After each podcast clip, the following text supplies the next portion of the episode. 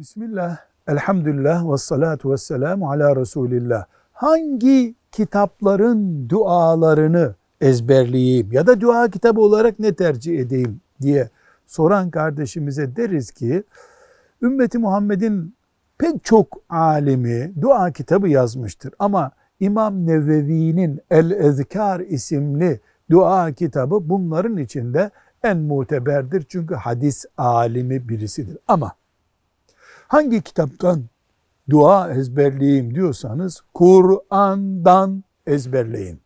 Fatiha suresi, Ayetel Kürsi, Felak, Nas, İhlas suresi, Bakara suresinin son iki ayeti yani yatsıdan sonra okunan Amener Resulü bima unzile ileyhi Rabbi vel müminun diye başlayan bunlar bu kainatta kulların yapacağı en büyük dualar.